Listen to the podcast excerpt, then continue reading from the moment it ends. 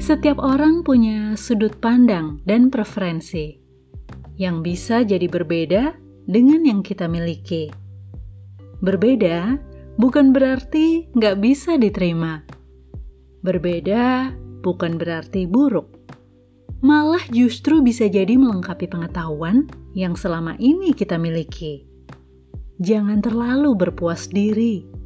Selama kita hidup, kita masih terus belajar kita perlu terbuka terhadap masukan orang lain dan dengan dunia luar.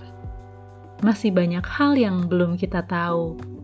Jangan berhenti mencari tahu.